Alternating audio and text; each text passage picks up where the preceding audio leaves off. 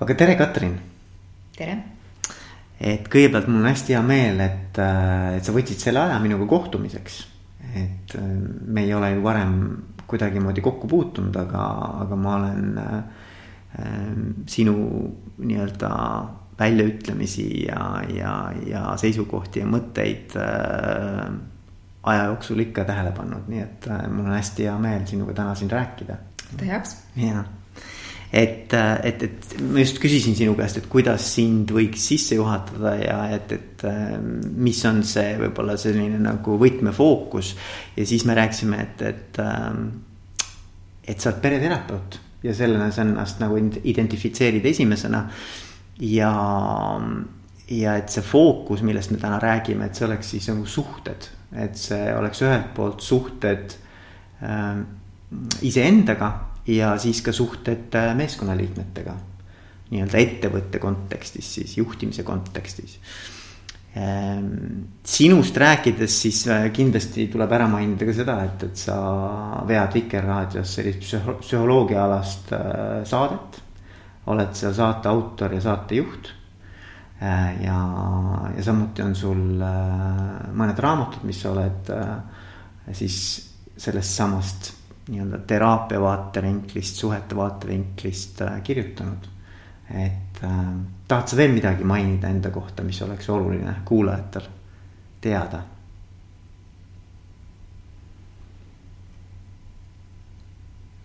ma aeg-ajalt võtan selliseid pikemaid mõtlemispause, et see on nii huvitav küsimus on ju, et mida oleks veel huvitav teada, vast võib-olla seda, et ma ei ole enam väga noor. et ma olen kohe saan viiekümne aastaseks, mis on äh, paras selline hetk keset elu mm -hmm.. võib-olla juba elu teises pooles.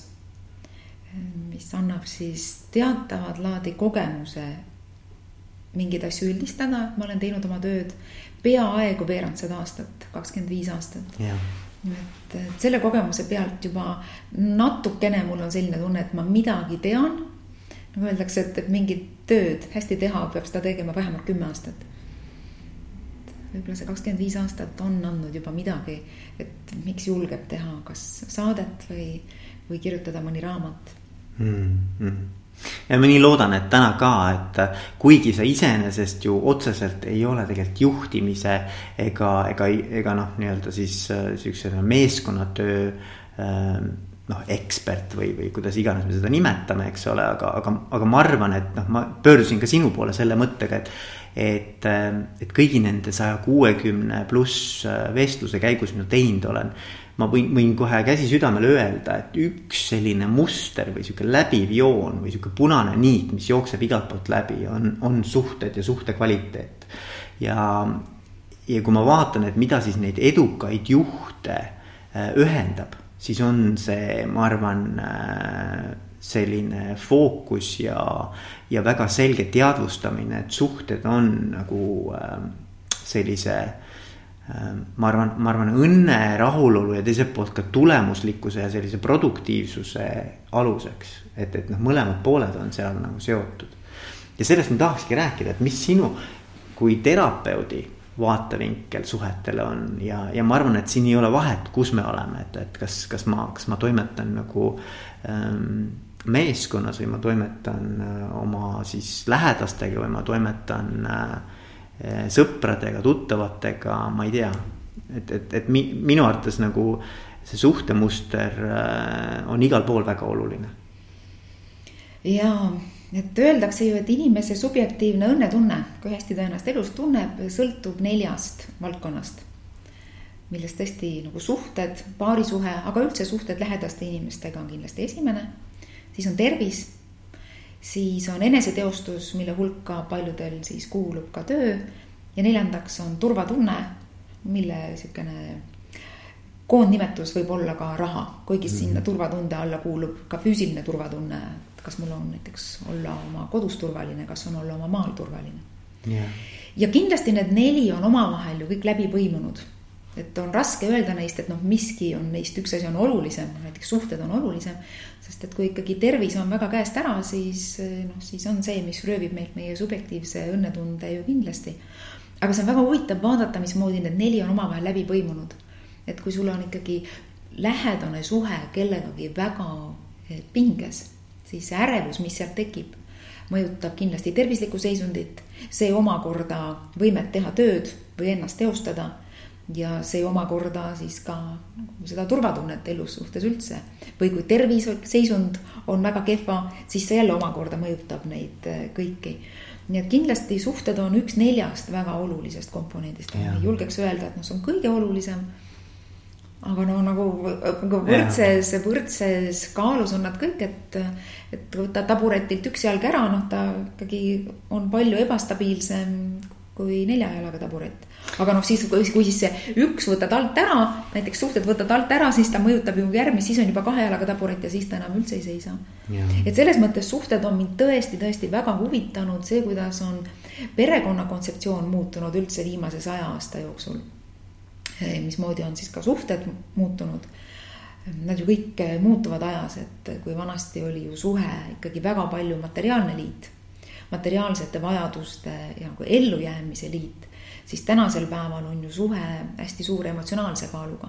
et -hmm. suhe ei ole enam nii palju materiaalne liit, vaid on emotsionaalne liit ja ma ütleks ka spirituaalne liit selles mõttes, et see annab meile võimaluse kasvada Ja, ja. mida ta kindlasti vanasti nagu nii palju, jah, eks ta vanasti oli ka emotsionaalne liit, aga no kui me mõtleme Vargamäe aegade peale, siis ei tulnud ju kõne allagi, et Krõõt oleks öelnud, et, et mulle see suhe enam ei sobi või kui lambasihver oleks öelnud Pearule, et mulle see suhe enam ei sobi mm.. et, et meie materiaalne liit mingil põhjusel ei toimi või et meie intellektuaalne liit ei ole see.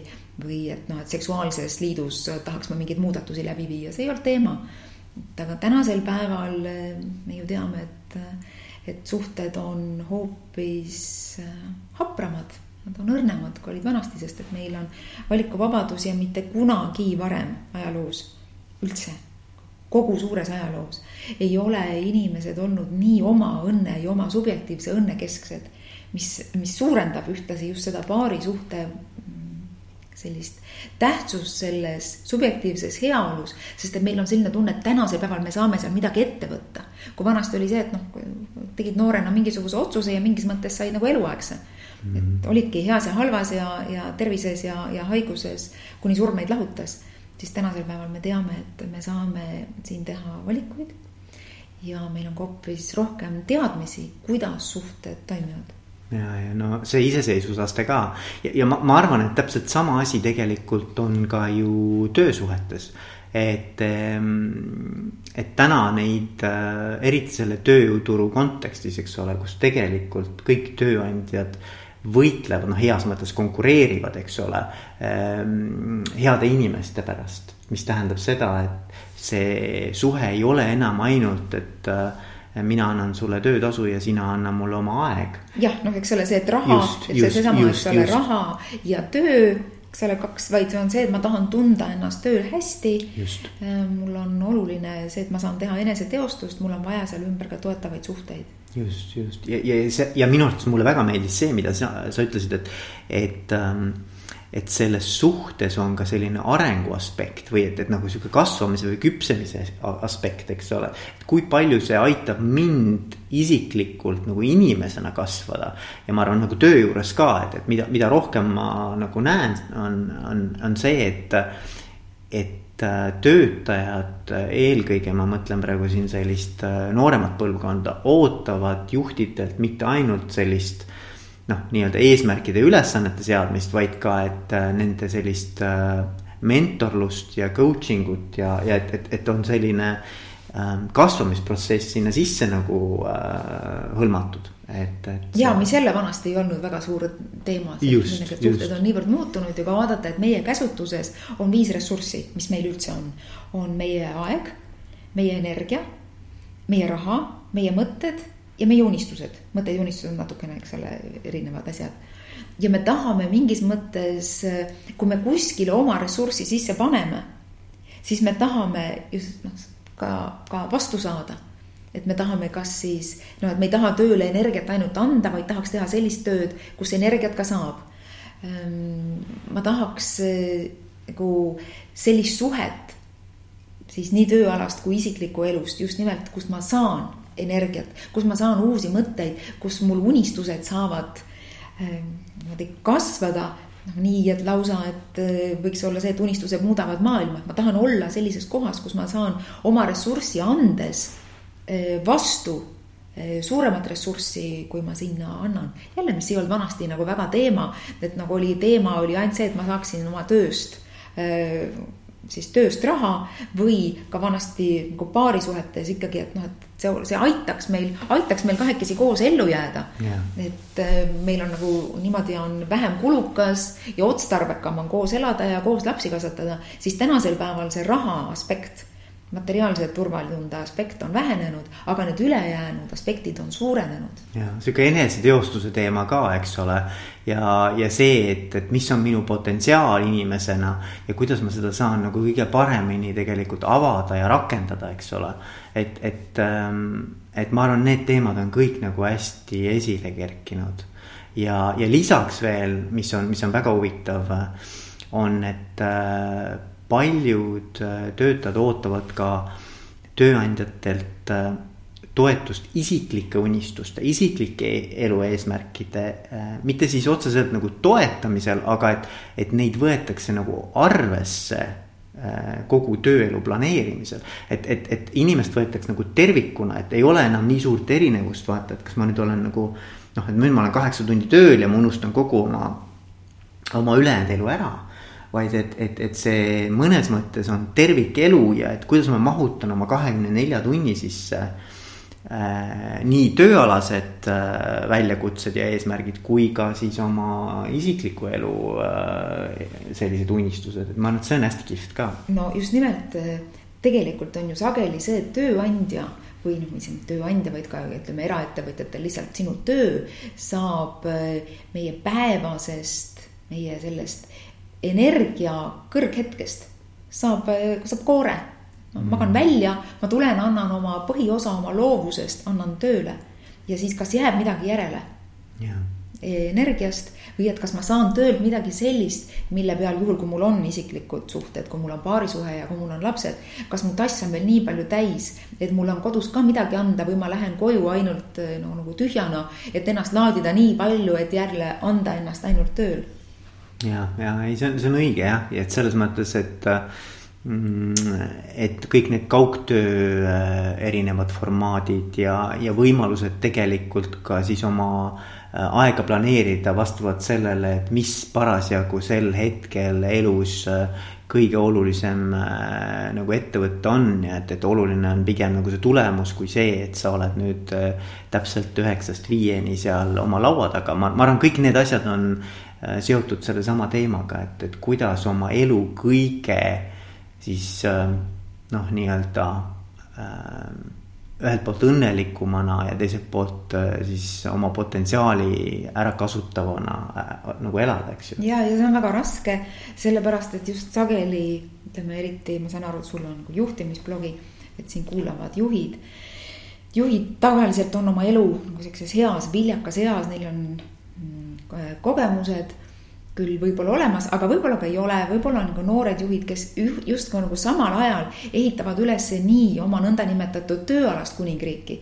kui samal ajal on neil kodus suhe, mis vajab arendamist, kui samal ajal on neil kodus veel kas siis väiksed või, või natuke suuremad, aga lapsed. ja kuidas see kõik ära mahutada sellesse hetke kus sa tõesti nagu see nõndanimetatud eh, kuningriigi rajamine, see võtab ju sinult tohutult palju energiat, tohutult palju sinu igat ressurssi. ja me teame seda, et noh, et see, millele sa oma energiat annad, eh, see asi ka õitseb. ja kui sa võtadki see, et mu tööalane prioriteet on praegu nagu kõige kõrgem siis eh, just väga paljud juhid tulevadki teraapiasse või nõustamisele nende muredega, et noh, et kodused suhted kannatavad selle all, et partner on rahulolematu, rahulolematu selle inimese panusega siis nii suhtesse kui, kui laste kasvatamisesse sõbrasuhetesse, et väga sageli kuningriigi, tööalase kuningriigi mm. rajamisel ähm, tuleb lõivu maksta muudest kohtadest. ja, ja aga.... see on eriti just nagu noortel ja nüüd on huvitavam vaadata ka nagu ühiskonna arengut, et näiteks üheksakümnendatel kui ka minu enda ju äritegevus algab üheksakümnendatel, nii et ma olen väga palju näinud üheksakümnendate mm, äri alguseid, kus siis, kui, siis kui kõik algaski, inimesed pühendusidki nii palju tööle. ja neil jäi nii vähe aega olla oma lähedaste inimestega. et selle tagajärjed on tihti ka veel tänases päevas. ja, ja ma mõtlengi, et noh, et, et ähm, ma ei mäleta enam, kes see oli, see austraallanna keegi, kes oli äh, sellises nagu äh, vanadekodus vist, äh, kus siis noh, mõnes mõttes selliseid surmale eelnevaid aastaid veedeti. ja ta kirjutas minu arvates raamatu viis. viis enem levinud kahetsust ja, ja mida inimesed ja, ütlevad enne surma just. ja seal ta ütleb, et, et väga vähesed inimesed ohkavad oma suurivoodile, et küll on kahju, et ma veel rohkem tööd ei teinud. eriti siis, kui sa ei ole nagu, kui sa ei ole iseenda peremees, vaid sa töötad kellegi teise jaoks, et väga kahju, et ma teise inimese jaoks veel rohkem oma energiat andnud. et põhiline kahetsus on ikkagi sellega, et, et ma ei pühendanud aega oma olulistele suhetele, et ma ei olnud koos inimestega, kes olid mulle kallid ja et äh, me oleme või noh, ütleme, kas me oleme jäänud võõraks, aga me ei saanudki võib-olla nii lähedaseks, kui me oleksime võinud saada. kui ma oleks mingi osa oma ärkvel oldud loovast ajast olnud nendega. mitte, et kogu aeg, aga et kui ma oleks rohkem olnud, et see on inimeste ja üks põhikahetsus. ja, ja see oli üks viiest ja, ja, ja, ja mulle, mulle tegelikult see väga sümpatiseerib ka selles mõttes, et, et et ma arvan, need asjad ei ole nagu üksteist välistavad, ma ei tea, mis sina arvad. et, ähm, et tegelikult on ju võimalik teha ähm, karjääri olla edukas äh, tööl, kui ka tegelikult äh, olla väga sellises äh, õitsevas suhtes. ma, ma, mina isiklikult arvan, et see on võimalik. et, et need ei ole nagu mõnes mõttes välistavad. aga, aga mis sa arvad? kindlasti nad ei ole välistavad aga ma ütlen, et see on raske mm -hmm. ja mõnedele inimestele on kergem, mõnedele on raskem. me teame küllalt palju just nimelt neid suhteid, mis lagunevad siis, kui lapsed on väiksed, sellepärast et ütleme, kas siis kui, kui oletame, et kui juht on mees ja kodus on nagu väikeste lastega ema, siis tihti paarisuhe just siis pingestub, kui lapsed on väiksed, eriti kui nad on järjestikused. ja kui mehel on võib-olla ootus, et noh, mina ju teen tööd just nimelt selle jaoks, et tagada oma perekonnale turvaline heaolu. aga naine ütleb, et aga see on jaa, loomulikult ma seda tahan, see on tähtis, aga ma vajan sind ka kui mees. kui, kui meest ja su lapsed vajavad sind kui isa. jälle see, see ei ole absoluutne, aga et, et ühtedel tuleb see paremini välja, teistel, teistel kehvemini. et inimestel on ju erinev suutlikkus ka ütleme, transformeerida ähm, jamasid. Mm.. et nagu Lennart Meri ju kunagi ütles, et eks ole, et meie tänase päeva äh, sitt on, on sõnnik äh, meie homsetele roosidele või midagi sellist enam-vähem ütles ja just nimelt selle transformaatoritena me oleme inimestena erinevad, aga oleme ka erinevatel perioodidel omaenda elus erinevad, et kui me oleme nooremad, siis me jaksame rohkem probleeme ja jama läbi töötada ja sellest endale viljakat sõnnikut siis mm, koguda. aga on mingid perioodid, kus on nagu väsimus nii suur, et sa jaksad olla, olgu sa transformaatorina oled kehvem. Mm.. ja, ja kui on siis veel tööalane stress on kõrge siis eh, noh, paratamatult eh, tööalane kõrge stress võib luua ka koduse nagu pinna stressiks eh, ja kõrgeks stressiks. aga kui kodus on teine inimene, kes on stressis, siis see stress võib hakata eskaleeruma. ja, ja, ja, ja aga, aga ma tahaks veel, tahaks tuua nagu selle jutu sellele, et, et ma rääkisin Mare Teihmaniga, kes on siis äh, tööpsühholoog äh, Tallinna Tehnikaülikoolis, TalTechis. ja, ja tema tõi mulle, mulle väga sümpat-, mitte ei sümpatiseerinud, aga nagu kuidagi jäi kõnetama see fakt. et ta ütles, et ligi sajast erinevast stressorist, mis meil töö juures on, erinevad siis stressiallikad. suhted, inimsuhted on number üks nagu, mis tegelikult sellist nagu stressi taset mõjutab, et.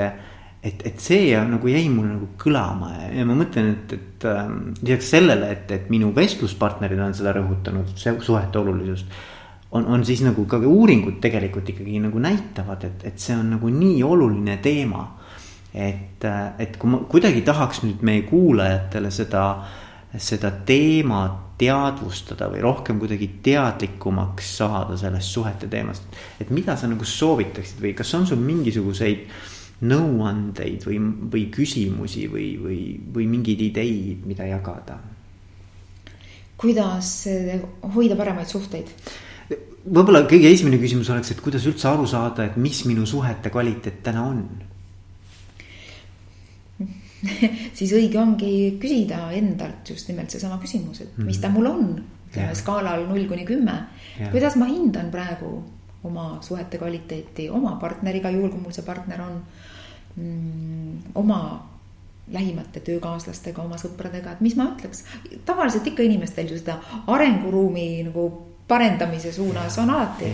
aga no et ikkagi, et kas ta on mul praegu nagu sihukene allapoole viit, sihukene kaks-kolm, sihukene noh, nagu kidurakene. et seda annavad, seal annavad tooni probleemid, tülid või on ta pigem harmooniline. et ja. kõigepealt on iseenesele aus otsa vaatamine, tegelikult me teame ju ise, missuguse hinde me anname. et me oleme suhteliselt adekvaatsed, arvad jah? ja ma arvan, et me oleme ikkagi suhteliselt adekvaatsed selle hinnangul ja siis, ega siis, kui siis, siis kui ta on parasjagu nagu ta on, mm, siis on niisugune võluküsimus, et aga mida ma vajan, et äh, suhted läheksid paremaks oma partneriga. väga sageli näiteks just nimelt noh, mina kui paari ja pereterapeut tunnen tihti, et kui inimesed tulevad teraapiasse, siis neil on selline tunne, et nad justkui tahaksid, et noh, see on niisugune drop-off koht, kus ma tooks oma partneri siia ja tehke oma partner korda. justkui võiks öelda, et minu vajadus on see, et mina olen ju no nagu täitsa nagu okei okay ja normaalne ja mõistlik, aga noh, tehke mu partner mm, korda mm,. Mm. või tehke mu noh, siis ülemus korda või alluv korda või, või muud suhted korda. et noh, nagu tavaliselt on see asi ju kuskil nagu nagu nende inimeste suhetes, et noh, mõlemad panustavad sinna. ja siin olekski vaja nüüd aru saada, et kas see probleem, mis mul on mingi konkreetse inimesega, on lahendatav probleem või see on krooniline probleem. no me, sama näide, ma olen seda sageli oma artiklites ja raadiosaadetes toonud, et, et siin võib tuua analoogia tervisehädadega, et meil on ju tervisehädad, mis on lahendatavad, noh pea valutab, võtad ibuprofeeni, on nohu, ravid ei ravi, läheb nelja või seitsme päevaga üle. mõnikord juhtub hullematki, murrad jala, siis oled natuke kipsis, siis kaks kuud äh, teed füsioteraapiat ja see on nagu, see on lahendatav probleem. aga siis on meil kroonilised terviseprobleemid. kroonilised peavalud, kellel on diabeet, vanuse tõustes, eks ole, kellel liigestega, kellel südamega, kellel vererõhuga. et kroonilisi asju sa ei saa ära lahendada, vaid sa pead õppima nendega elama ja nende mõju endale leevendama mm.. ja tavaliselt inimestevahelistes eh, suhetes eh, nagu uuringud näitavad et, et seitsekümmend protsenti inimestevahelistest eh, suhete probleemidest on kroonilised probleemid, ehk see on mingi üks või kaks teemat, mis tõusetub läbi aastate.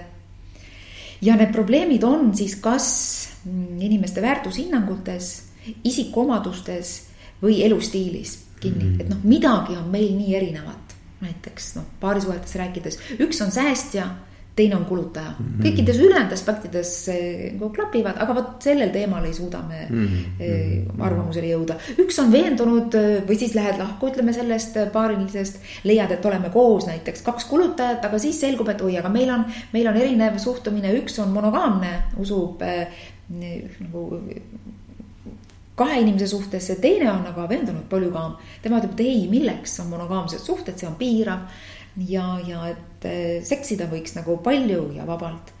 no oletame jälle, et lähevad kokku, saavad kokku kaks eh, toredat polügaami.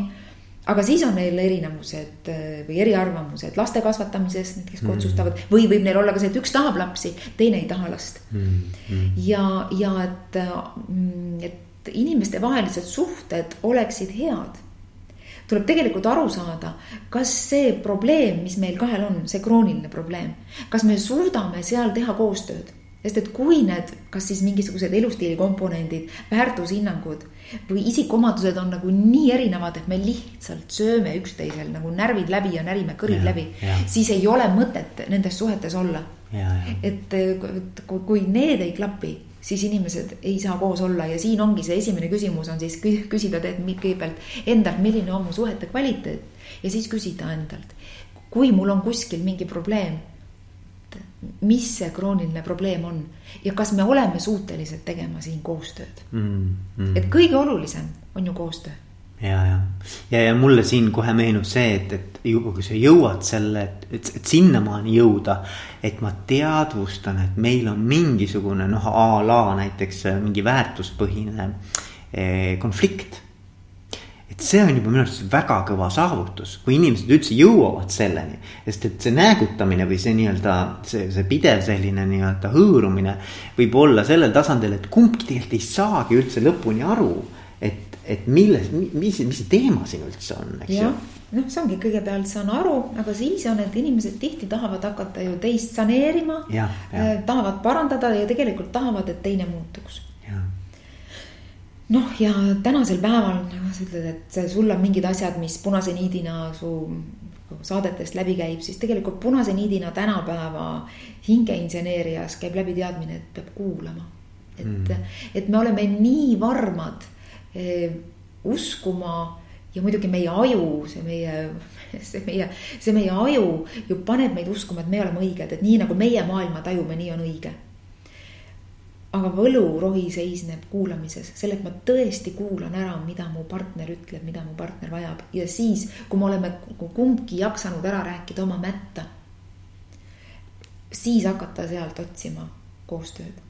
Ja, ja teine asi, mis on veel, et kui on, kui nii suur tahtmine on, on saneerida, õpetada ühel hetkel, kui sa oled nagu ka vihasem, siis eh, karistada, eh, keelata, kontrollida aga kõik saneerimismoodused, mis on, on ohuks suhtele. et, et iga tüli, iga karistamine, iga näägutamine, iga halvasti ütlemine võtab nagu õhukese juustunoaga, kui juustust ühe õhukese viilaka ära ühe viilu võtad, mitte midagi ei juhtu. aga kui ikkagi kogu aeg viilutad partnerit, ükskõik siis elupartnerit, Eh, tööpartnerit, siis varsti on see suhe kulunud õhukeseks mm. -hmm. ja selles mõttes eh, nagu kõik psühholoogid räägivad ju siin ühest suust, et enne suhe, siis saneerimine või enne suhe, siis piirid mm. -hmm. et siit tulebki see suhete olulisus välja, et, et mm, nagu üksteise parendamise käigus me tihti halvendame suhet, sest et kriitika mida me üksteisele anname ja mõnikord tundub, et, et võiks anda väga konstruktiivset kriitikat mm.. et, et noh, inimene peaks suutma ka vastu võtta konstruktiivset kriitikat, see hästi palju sõltub, on ju, kuidas seda antakse. aga reeglina inimesed ei taha kriitikat, vaid reeglina inimesed tahavad saada tagasisidet mm.. Ja kriitika on see, mis ju, ähm, mis purustab suhteid mm. ja nüüd on siin nii suur oskus kuidas edastada kriitikat, mitte sina vormis, et sina oled teinud seda halvasti ja sa teed veel praegu seda halvasti ja sa oled siin halb ja, ja see võiks minna paremini. vaid kuidas sõnastada see teistmoodi ka mina sõnumitena, eks ole, et mina ootaks sinult seda ja Mm -hmm. ja et mitte vormistada seda kui kriitikat, vaid tegelikult kui kaebust, mis siis eh, eh, sisaldab endas seda, et ma kirjeldan olukorra, olukorra kirjeldust kuidas mina ennast sellest olukorrast tunnen ja see, mida ma vajan. ehk nagu ma ütlesin umbes kümme minutit tagasi, et üks elus kõige olulisem küsimus on see, mida mina vajan. et ja. meie suhe, ükskõik siis kas paarisuhe või tööalane suhe toimiks ja siis kuulata rahulikult ära, mida, mida sina vajad hmm. Ja, ja mul tuli meelde, tead, mis mulle veel meelde, tuli, et äh, psühholoogid jälle tegid mingisuguse uuringu sellest, et äh, Eh, suhete tugevus ja suhete selline jätkusuutlikkus, sõltuvus sellest, et kas me anname positiivseid või negatiivseid sõnumeid ja mis see suhe seal on. et kui palju ma pean andma iga negatiivse sõnumi kohta siis positiivseid sõnumeid sulle selleks, et see oleks kuidagi nagu noh, nii-öelda tasakaalus, eks. see on see John Gottmani uuring, mis ütleb seda, et, et eh, iga ühe negatiivse nagu negatiivse märkamise kohta, on ta siis kriitika või, või halvustamine või mis iganes, peaks ütlema viis positiivset, et umbes, et noh, et see viis positiivset neutraliseerib ühe ja, negatiivse. ja kui inimestevahelised suhted on head, noh siis nad tegelikult neid positiivseid märkamisi, mis on siuksed lahked lahked, kenad ja toredad, kas sa oled, sa oled ka viisakas või sa oled tähelepanelik inimese suhtes. seda tuleb hästi kergesti, aga kui suhe läheb juba pingeliseks mm., siis inimesed ja kipuvad tegema seda, et need positiivsed remargid vähenevad drastiliselt.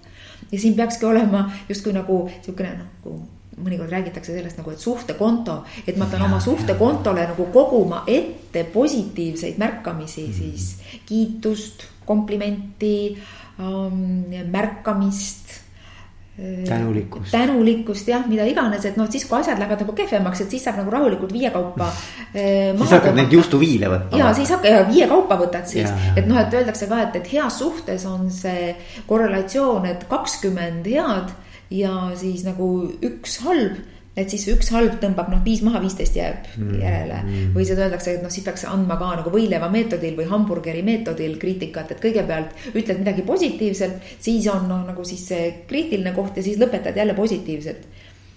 meil inimesed sageli või mis meil üldse, igal pool inimesed sageli lihtsalt lajatavad selle negatiivse.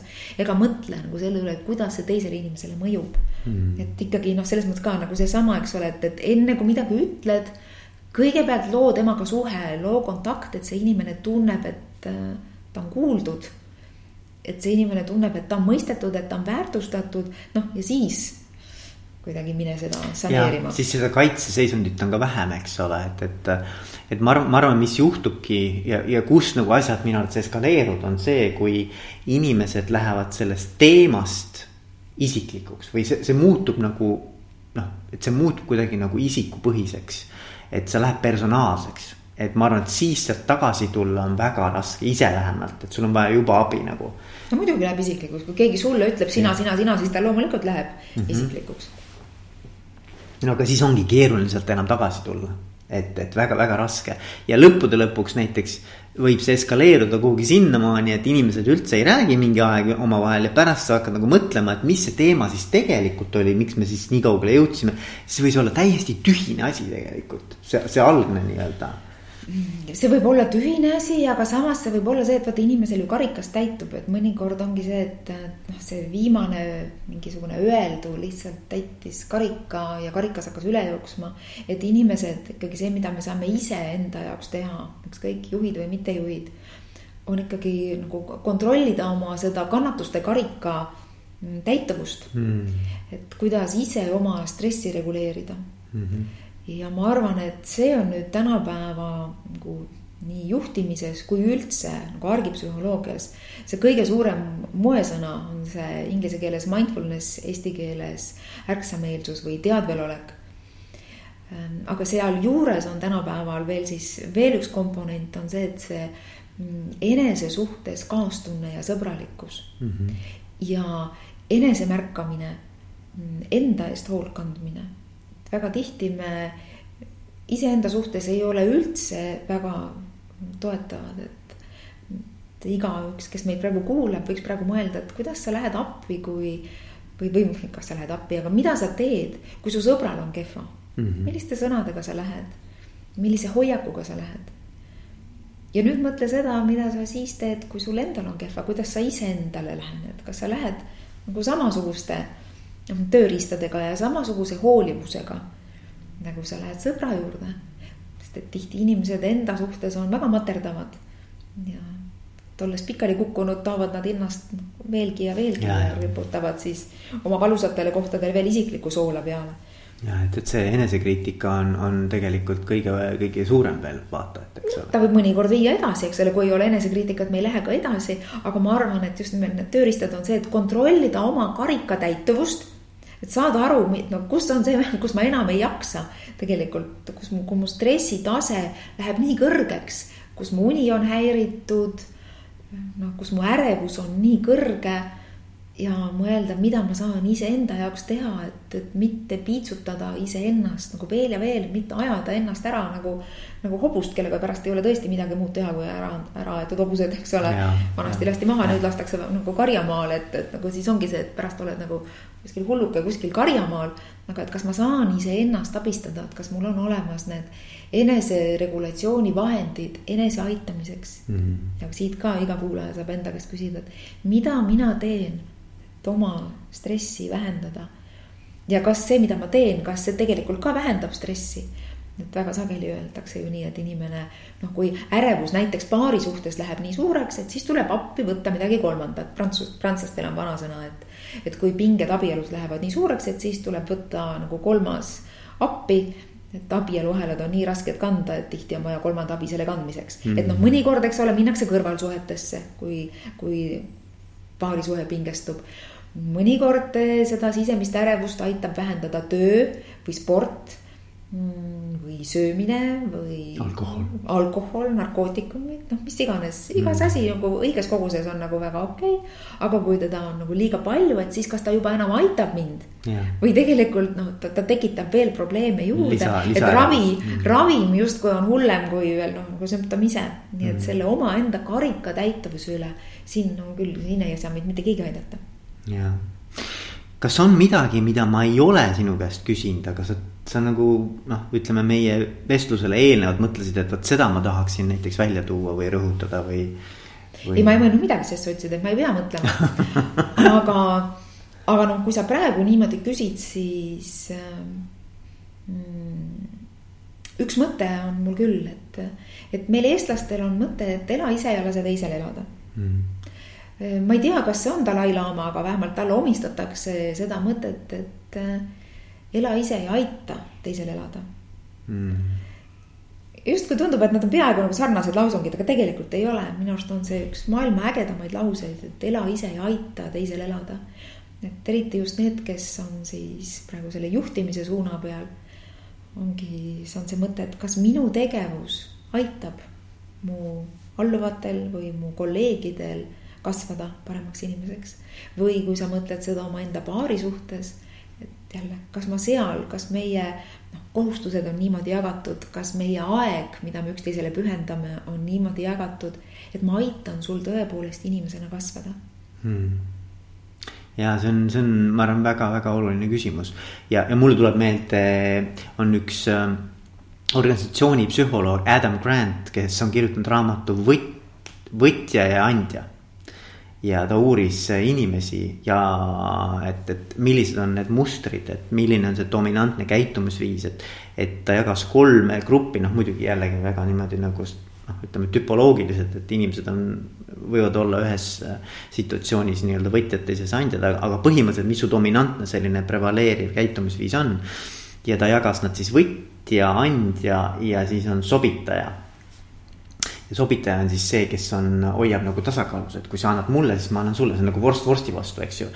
võtja on siis võtja, kes ainult küüned enda poole ja andja on siis see, kes küsib alati, et kuidas ma saan olla kasulik või mida ma saan sinu heaks teha. Ehm, ja mulle tuli meelde just see praegu, et, et tegelikult tema uuringust tuli välja, et äh, andjad on nii kõige edukamad kui ka kõige vähem edukamad. kõige ohustutam. ohu, ohustud mis, mis see ütleks nüüd äh,? Nad on ohustatud ühesõnaga. jah, ohustatud jah. ja et, et loomulikult, et kui sa annad ennast lõppkokkuvõttes nii palju, et sa oled, no oled tühi, siis ongi see, et kas su, tuleb kontrollida seda, kas mu karikas ei ole mitte liiga täis, aga see mu tass, kust ma ammutan, et tass ei tohi olla tühi. ja, ja. ja noh, nagu veel teine mõte, kui sa küsid, et kas mul on veel mõni sihukene tark mõte, mida, mida öelda, siis vot seda mõtet ma olen ka mitmes kohas välja öelnud, aga ma leian, et see on nii oluline. et see on üks Briti psühhoanalüütik Melania Klein, kes on öelnud välja lause, et elu on kaotustega toimetuleku eksam. inimene võib olla sündinud ka hõbelusikas suus või tal läheb elus jube hästi. aga lõppkokkuvõttes tema enesetunnet ja tema heaolu määrab siiski see, kui hästi ta tuleb toime kaotusega mm.. vot selles, mis me alguses räägime, see neli suurvaala, tervis, suhted eneseteostus ja turvalisus. et me igas nendes neljas valdkonnas iga natukese aja tagant võime kogeda mingeid kaotusi. ja nüüd just nimelt see, see toimetulek nende kaotustega. kas ma tulen sellega toime, kuidas ma sellega toime tulen, kuidas ma ennast abistan. see määrab meie subjektiivse äh, rahulolu eluga mm.. selleks peab valmistuma nagu lapsena, et kõik need inimesed, kes praegu kasvatavad lapsi, siis seda on ju ammu juba mm, ajuteadlased öelnud, et noh, et mis on need olulised asjad, mida peaks õpetama koolis tänapäeval lastele. ja siin noh, nagu ma võiks kokku võtta selle nagu nelja õppetunnina, et esimene on see, et peab õpetama olema loov ehk siis nagu mõtlema kastist välja ja, ja nägema nagu suuremat pilti. teine peab õpetama olema järjekindel ja pühenduma ja see on ka nagu jaksama lihtsalt mingisugust asja teha, see on ka visadus. kolmas asi peab õppima toime tulema ebaeduga mm. ja neljas asi, see on siis need perioodid, kus siis antud hetkel ebaedu pole ja on hästi või, või ka sealt ebaedu kõrvalt õppida mõnulema ja nautima mm.. et noh, nagu tähistama ja pühitsema seda, et praegu on hästi mm. -hmm eriti need kaks viimast, noh, meie täiskasvanu elus on meiega ju nagu igapäevaselt, et on paremaid päevi, on halvemaid päevi. inimesed on erinevad ja inimeste eluperioodid on erinevad, et mõni inimene ütleb, et, et kakskümmend viis protsenti elust on nagu väga õudne kannatus ja seitsekümmend viis on väga tore. ja siis on inimesi, kes ütlevad vastupidi, et seitsekümmend viis on, on nagu väga õudne ja ainult kakskümmend viis on toredat ja on inimesi, kes tõmbavad selle protsendi nagu veelgi drastilisemaks, et neil on näiteks üheksakümmend kümme. Mhm. Jah, no mõnel inimesel võibki niimoodi olla, et hästi palju on nagu jama ja probleeme.